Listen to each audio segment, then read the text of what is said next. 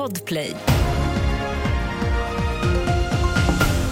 Först i nyheterna att USAs utrikesminister Antony Blinken har landat i Israel nu för att prata vidare om eldupphör i Gaza.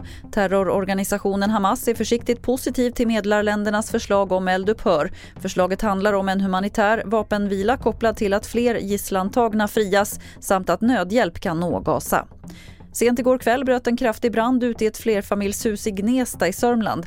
Alla boende har evakuerats och ingen ska ha skadats. Roger Magnusson är vakthavande befäl på räddningstjänsten. Byggnaden kommer att bli totalförstörd och vi beräknar nog att arbetet kommer att pågå under hela dagen i alla fall. Sen övergå i någon form av bevakning så att det inte kommer obehöriga och skadar sig.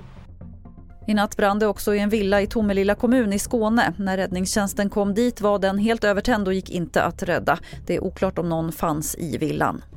Till sist kan vi berätta att Skatteverket har sammanställt siffror över vilka som var de vanligaste namnen att ge nyfödda förra året. Och Noah är ny i namntoppen för pojkar och på tjejsidan verkar frosteffekten hålla i sig. Där är det Elsa som ligger i topp. Fler nyheter det hittar du på tv4.se. Jag heter Lotta Wall.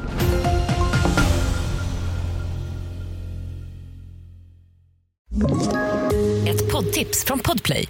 I podden Något Kaiko garanterar östgötarna Brutti och jag, Davva, dig en stor dos skratt. Där följer jag pladask för köttätandet igen. Man är lite som en jävla vampyr. Man har fått lite blodsmak och då måste man ha mer. Udda spaningar, fängslande anekdoter och en och annan arg rant. Jag måste ha mitt kaffe på morgonen för annars är jag ingen trevlig människa. Då är du ingen trevlig människa, punkt. Något Kaiko, hör du på Podplay. Därför arkadeinerna.